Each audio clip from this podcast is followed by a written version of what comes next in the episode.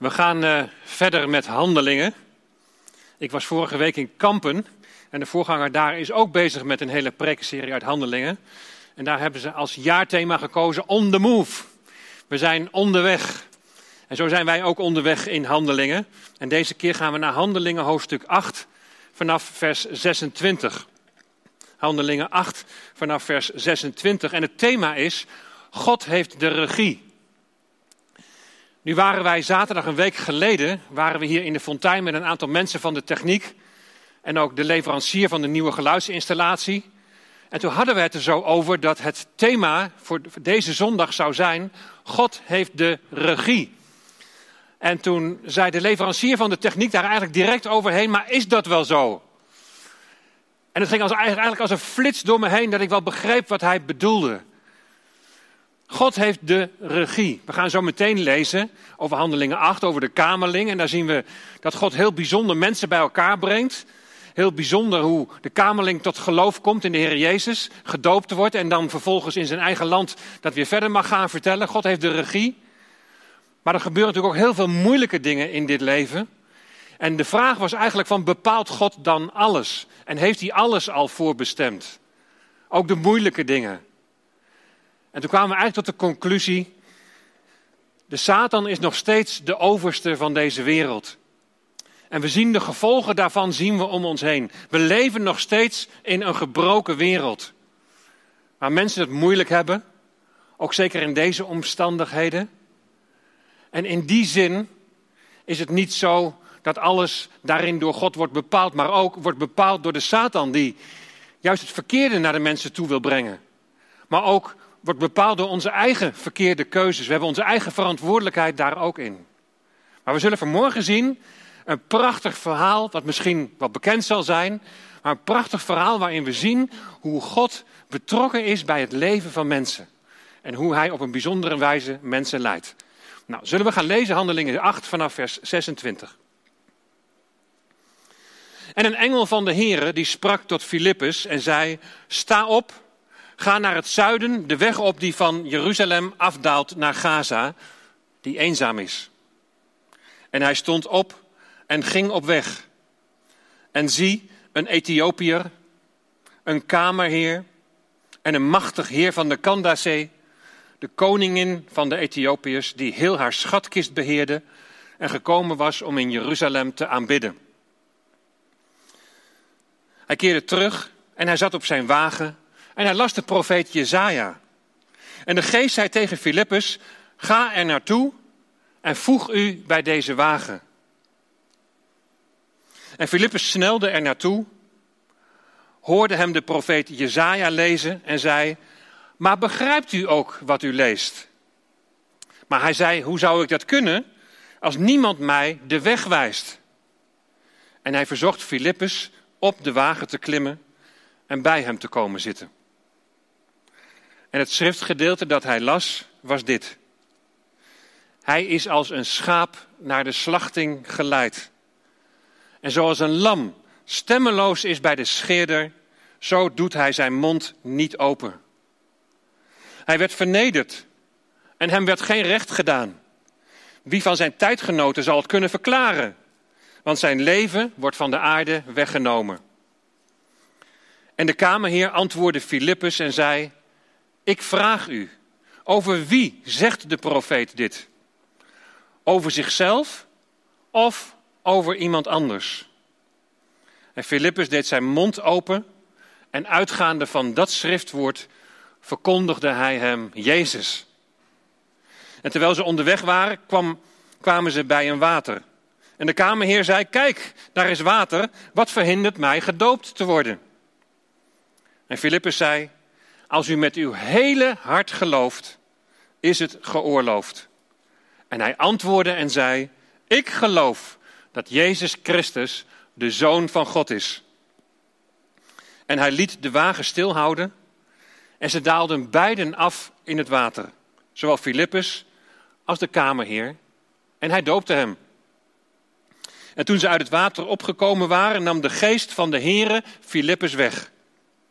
En de kamerheer die zag hem niet meer, want hij vervolgde zijn weg met blijdschap.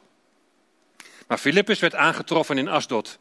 En terwijl hij het land doorging, verkondigde hij het evangelie in alle steden, totdat hij in Caesarea kwam.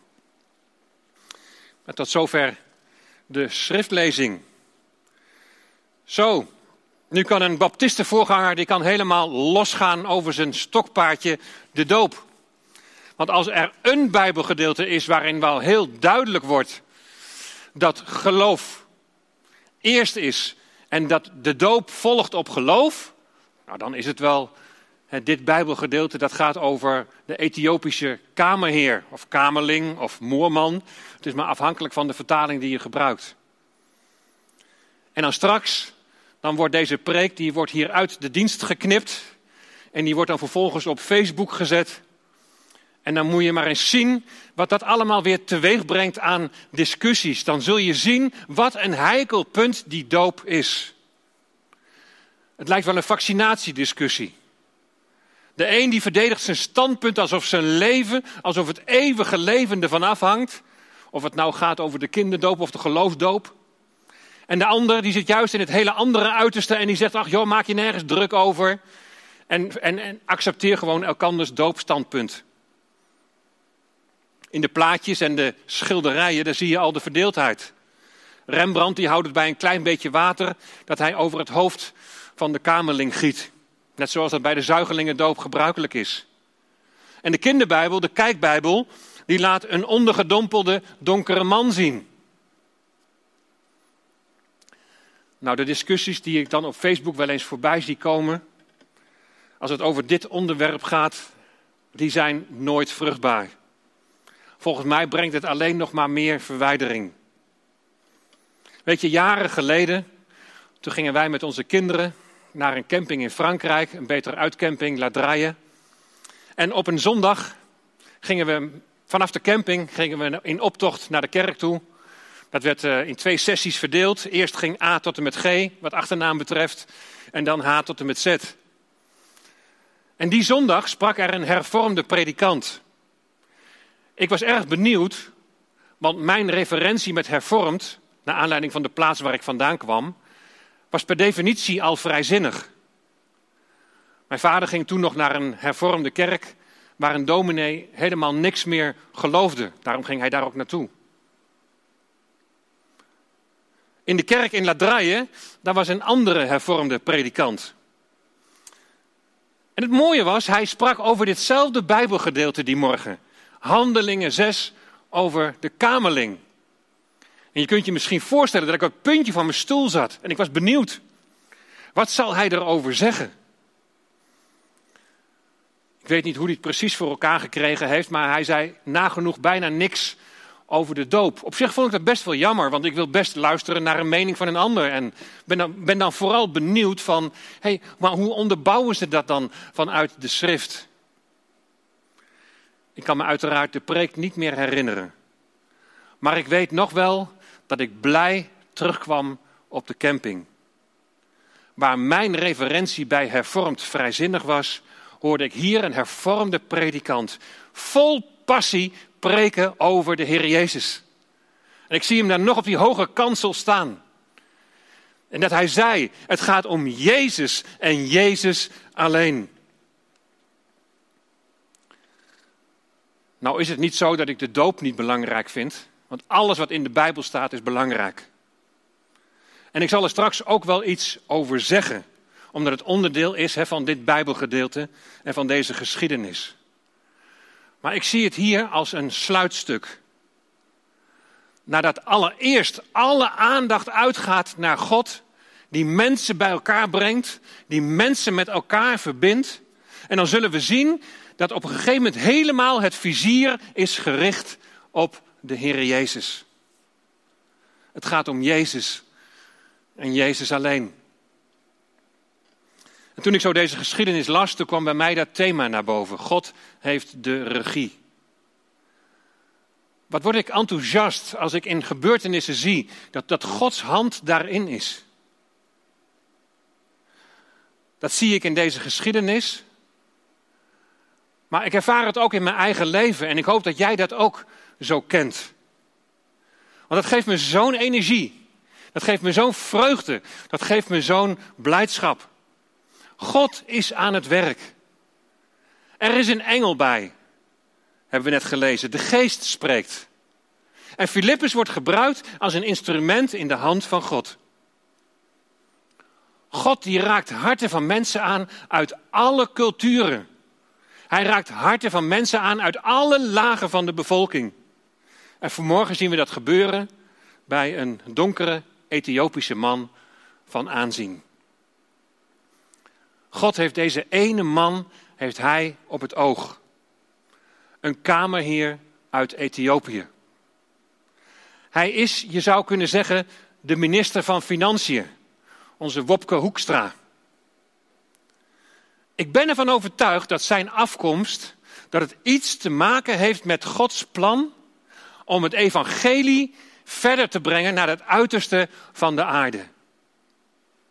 Waar kwam deze man namelijk precies vandaan? Nou, hier in de tekst, daar staat Ethiopië. En de Ethiopiërs die worden in de Bijbel ook wel Kuzieten genoemd, uit Kush. Of Moren, uit Morenland. Net afhankelijk van de vertaling die je gebruikt. En de Ethiopiërs die stammen af van Gam, een van de zonen van Noach. Sem, Gam en Javed. En hij heeft een donkere, de mensen daar hebben een donkere huidskleur. Het koninkrijk van de Ethiopiërs bestond al vanaf de 8e eeuw voor Christus. Maar het betreffende gebied is niet helemaal gelijk aan het huidige Ethiopië. Het ligt zo ten zuiden van Egypte en komt meer overeen met het huidige Soudaan. Als je in Google Maps even gaat kijken bij Soudaan, dan kom je bij de hoofdstad Khartoum. En als je dan kijkt even naar die afstand van Khartoum naar Jeruzalem, dan beslaat dat zo'n 2500 kilometer. Wellicht heeft hij deze lange reis gemaakt om zaken te doen. Of was het alleen maar om, om de tempel te bezoeken en de God van Abraham, Isaac en Jacob te aanbidden? We weten het niet precies, het is niet beschreven. Maar wat we wel weten is dat zijn komst naar de tempel, dat het een vervulling is van een oud-testamentische belofte. Ja, God heeft de regie. Ook hierin zie je dat. Kijk maar wat er staat in Psalm 68, vers 32. Vorstelijke gezanten zullen uit Egypte komen. Kush, en dat is dus Morenland. De nieuwe Bijbelvertaling zegt de Nubiërs. Die gaat dus over de Ethiopiërs. Die, zij zouden zich haasten zijn handen naar God uit te strekken. Dus als vervulling van deze belofte komt de kamerheer, deze minister van Financiën, naar de tempel in Jeruzalem om te aanbidden. Hij is een eenuig. Dat is vaak een term voor een ontmande, een gecastreerde man. Maar het kan ook gewoon de aanduiding voor een voornaam man zijn. En hij legt dus 2500 kilometer af om God te aanbidden in de tempel in Jeruzalem. Voor Griekse begrippen in die tijd kwam hij van de einden der aarde. Dus Handelingen 1, vers 8 gaat steeds meer in vervulling. Ja, God heeft de regie. Zijn plan gaat in vervulling. Want in Handelingen 1, vers 8 hebben we gezien dat het evangelie niet beperkt blijft tot Jeruzalem, Judea, Samaria, maar dat het ook zal gaan tot de uitersten der aarde. Deze man is immers onderweg naar huis. Zie je Gods regie? Zie je zijn hand hier ook in? Deze man die gaat richting Gaza, komt daar bij de kust en langs de kust loopt de handelsweg naar Ethiopië, richting Egypte. Wat zal deze man een mensen onderweg tegenkomen en spreken en vertellen over zijn ja, bijzondere ontmoeting met Filippus, maar bovenal zijn bijzondere ontmoeting met de Heer Jezus. Ja, God heeft nog een eenling op het oog en dat is inderdaad Filippus. Filippus die hij bij zijn plan wil betrekken. Filippus die in Samaria om zich heen mensen tot geloof ziet komen en de een naar de ander die wordt gedoopt. En hij krijgt nu ineens een nieuwe opdracht. En het is de engel van de Heer die tot hem spreekt. Sta op, ga naar het zuiden. Hij komt van het noordelijk gelegen Samaria. En ik ben maar even uitgegaan van Nablus, dat is het huidige Sichem. En dan zal hij de weg kruisen die van Jeruzalem in het oosten naar Gaza in het westen loopt.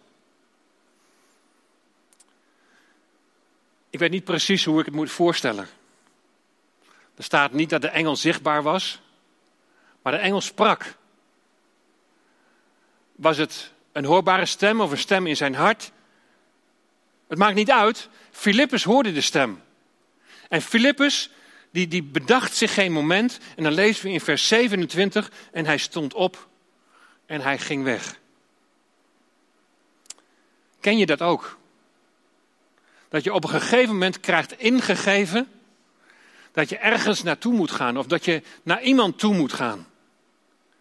Je weet niet, je weet niet waarom, maar als je dat doet, dan, dan kan het zomaar een hele bijzondere ontmoeting zijn, met misschien ook wel hele bijzondere gevolgen. Het kan ook zijn dat je in je krijgt om op een bepaald moment iets uit de Bijbel te lezen voor iemand. Het is mij regelmatig overkomen dat ik een, huisbezoek eh, de Bijbel opende en op mijn hart kreeg om een bepaald Bijbelgedeelte te lezen. En soms was het een Bijbelgedeelte dat in die situatie helemaal niet voor de hand lag. Maar op het moment dat je begon te lezen, wist je van dit is een schot in de roos. Dit raakt zo diep. Dat mensen ook echt ervaren van het is God die tot mij spreekt, die mij wil bemoedigen. Ik zou zeggen, probeer daar eens alert op te zijn. Ook dat is een manier waarop de Heilige Geest je wil gebruiken om een getuige van Christus te zijn. En zie, staat er dan in vers 27. Filippus is gegaan en dan ziet hij dat God hem naar een bijzondere man heeft gestuurd, die net onderweg is van een bezoek uit de tempel in Jeruzalem. Hij is dus zoals al gezegd onderweg naar Gaza, richting de kust waar de handelsweg loopt richting Egypte. Hij is onderweg naar huis. Op de een of andere manier is hij bekend met de God van Abraham, Isaac en Jacob. Hij was naar Jeruzalem gekomen om te aanbidden. Hij heeft zelfs een boekrol bemachtigd, de boekrol van de profeet Jezaja. En hij las die hardop voor zoals dat in die tijd gebruikelijk was. Ik weet niet hoe jij je Bijbel leest, maar ik doe dat ook heel vaak. Dat als ik aan het lezen ben, dat ik het hardop doe. En als ik hardop lees, dan komt het toch, ja, voor mij in ieder geval, komt, komt het beter binnen. Nou, we zien hier heel duidelijk dat de Heere God een strategie heeft. En die strategie die kan per tijdstip kan dat heel verschillend zijn. En hiervoor had Filippus nog de mogelijkheid om aan een grote groep in Samaria te spreken over het koninkrijk van God en over de gezalfde, over de Heer Jezus Christus. En nu wordt hij op een eenzame weg gestuurd. Naar een eenling. Je zou je kunnen afvragen van, is dat nou wel zo handig? Is dat nou wel zo efficiënt? Nou, lieve mensen, onderschat niet wat één gesprek kan doen en kan uitwerken. En zeker als de Heere God dat gesprek arrangeert. Het gaat hier om één man, maar wel een invloedrijk man. Hij is reizende en hij zal onderweg meer mensen ontmoeten die hij zal vertellen van zijn bevindingen zo onderweg van Jeruzalem naar Gaza. Wie brengt God op jouw weg? En ben je daar ook alert op? kijk nu maar eens mee hoe hij de boodschap van het evangelie te horen krijgt. Heel bijzonder. Er wordt mij nog wel eens te veel nadruk gelegd op het feit dat we vooral moeten laten zien door onze houding dat we van Christus zijn. En dat is absoluut belangrijk. Daar ga ik niets aan afdoen. Maar dat zet mensen niet per se over in het koninkrijk van de zoon. Ik kan misschien heel aardig en, en meelevend zijn, maar ik ken ook genoeg ongelovigen die dat ook zijn. Misschien merken mensen ondanks, desondanks toch, toch een verschil. Dat zou mooi zijn. En het zou geweldig zijn als dit tot vragen leidt. Dus daarom ontzettend belangrijk. Maar vragen, vragen dan wel om beantwoording. Er staat niet voor niets in de Bijbel dat het geloof is uit het horen. Vroeg of laat dan komt het erop aan dat je gaat vertellen wat je gelooft. Dat je gaat delen van de hoop die in je is. Op dat moment confronteer je mensen met een keuzemogelijkheid. Of ze aanvaarden het evangelie, het goede nieuws, of ze leggen het naast zich neer. En laten we eens kijken hoe dit verloopt bij Filippus. Het is de Heilige Geest die spreekt. Filippus, ga er naartoe en voeg je bij deze wagen. En weet je, je praat niet de hele dag over je geloof in God. Weet je, Gods leiding daarbij is belangrijk. Dat je een antenne hebt, afgestemd zijnde op, op de stem van de Heilige Geest. En dat je dan weet wanneer het moment is om te spreken, om te getuigen. En dan geeft de Heilige Geest een extra zetje. Toe maar, Filippus, stap er maar op af. En dan staat er, Filippus die snelde er naartoe. Maar wat mij hier opvalt is dat Filippus niet direct met zijn eigen verhaal begint. Zo van, moet je nou eens horen, ik heb goed nieuws, evangelie. Nee, Filippus die haakt in op waar de kamerheer mee bezig is. Hij hoort hem de profeet Jezaja lezen. En ook dan gaat hij daar niet heel direct zo op in, zo van, ja maar, weet je wel wat je leest, dit gaat over de Heer Jezus. Nee, hij stelt een vraag. Begrijpt u ook wat u leest? En dan antwoordt de kamerheer, nou hoe zou dat kunnen? Als niemand mij de weg wijst. En hij verzocht Filippus op de wagen te klimmen en bij hem te komen. Nou, dit is mooi. Er ontstaat contact. Jaren geleden toen volgde ik een studiedag over evangelisatie. En die werd gegeven door Peter Schelen. En hij zei van onze manier van evangeliseren is vaak te vergelijken met het afvuren van een mitrailleur. Wij hebben alle antwoorden voor de mensen. Maar we weten niet goed wat de vraag van die mensen is. Ga je eerst eens in die ander verdiepen. Toon oprechte interesse voor die ander. En ontdek gaandeweg waar die ander staat en wat die ander bezighoudt. En daar dan vervolgens op inhaken, want anders heb je de kans dat je volledig langs elkaar heen praat. Filippus die zegt, begrijp je wat je leest? Alleen al door die vraag te stellen, kan ik me voorstellen dat Filippus bij die kamerheer de indruk wekt dat hij hem meer zou kunnen vertellen en zou kunnen uitleggen van wat hij leest. En zo is er opening en zo gaan ze samen onderweg. Nou, even kort samengevat. Besef dat God bij je leven betrokken is en dat Hij de regie heeft. Ten tweede, sta open voor de stem van God, voor de stem van de Heilige Geest. Laat je leiden door de Geest van God. En ten derde, ga oprechte relaties aan met mensen. En luister naar hun verhaal. Het is niet alleen een kwestie van verkondigen, maar ook van luisteren. En ook zeker net zo belangrijk, vragen stellen. Nou, dan komen we nu bij de inhoud. Hoe verkondig je het evangelie? En hoe doet Filippus dat nou bij de kamerheer? Nou, we zullen lezen, we zullen eerst kijken naar wat die kamerheer leest. En dat is vanaf vers 32 en die eerste twee versen, dat is gelijk aan Jesaja 53, vers 7 en 8. En het schriftgedeelte dat hij las was dit. Hij is als een schaap naar de slachting geleid. En zoals een lam stemmeloos is bij de scheerder, zo doet hij zijn mond niet open. Hij werd vernederd en hem werd geen recht gedaan.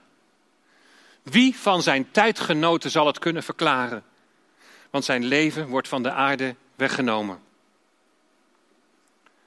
En de kamerheer die antwoordde Filippus en zei: Ik vraag u, over wie zegt de profeet dit? over zichzelf of over iemand anders. En Filippus deed zijn mond open en uitgaande van dat schriftwoord verkondigde hij hem Jezus. Ik zie zo de hervormde predikant weer voor me staan.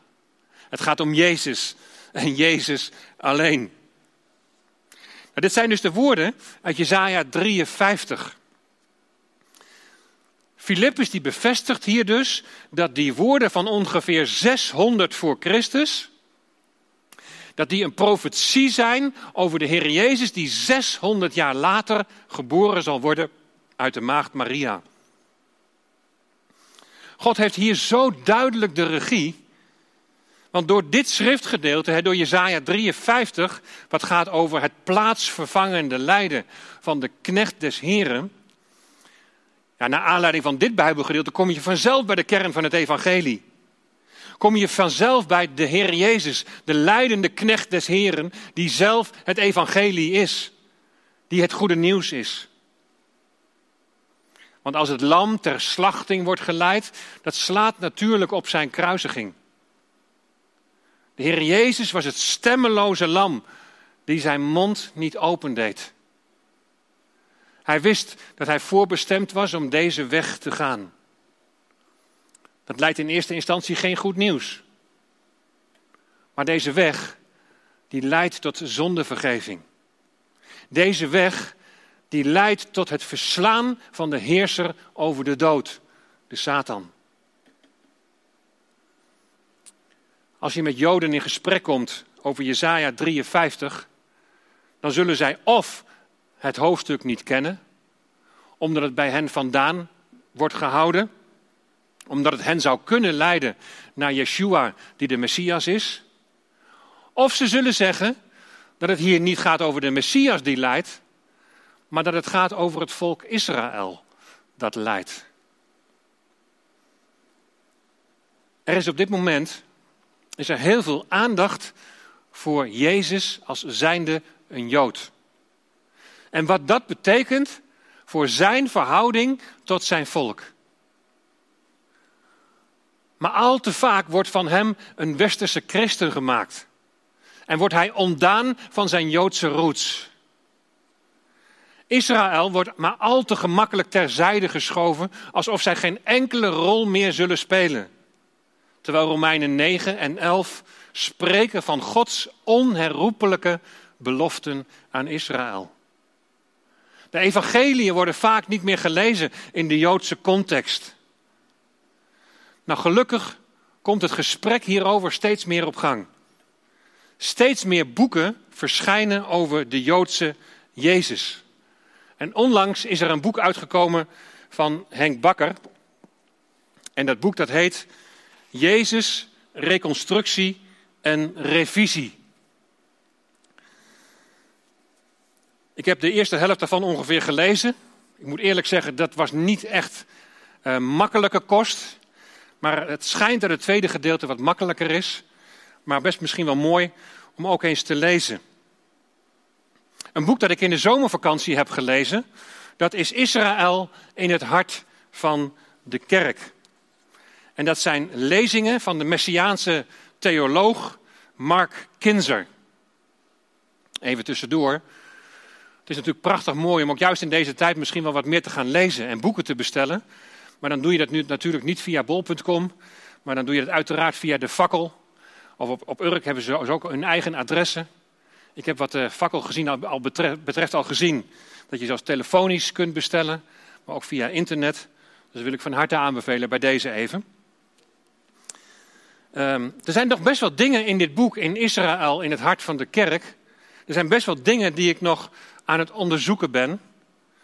En, en, hier en daar heb ik best ook nog best wel wat vragen, maar ik vind het zeer interessant wat hij schrijft over de relatie tussen de Heer Jezus en zijn volk.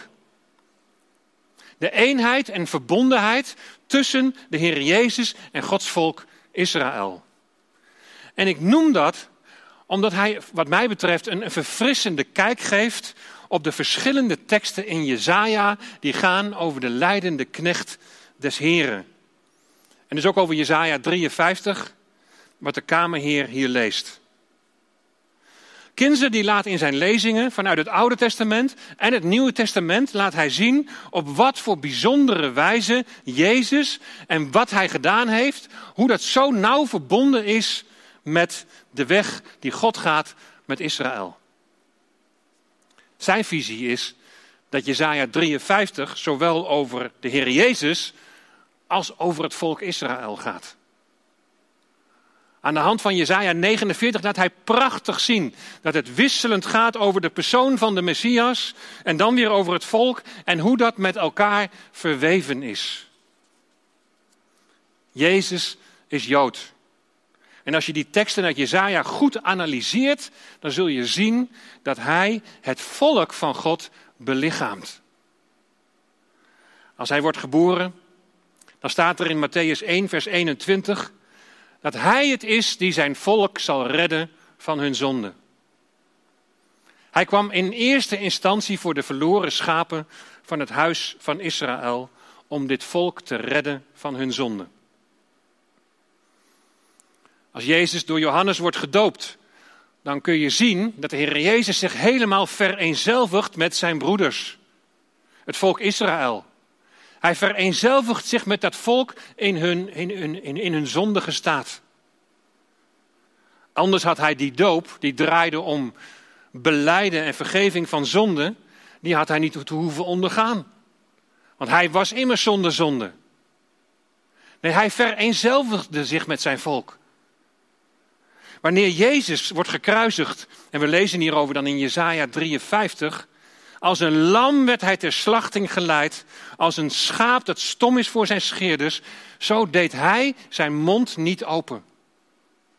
Wanneer de Heer Jezus wordt gekruisigd, dan vertegenwoordigt hij heel Israël en neemt hij Israël mee in zijn dood. En daarna in zijn opstanding. Maar helaas, aanvaarden zij dit niet als volk.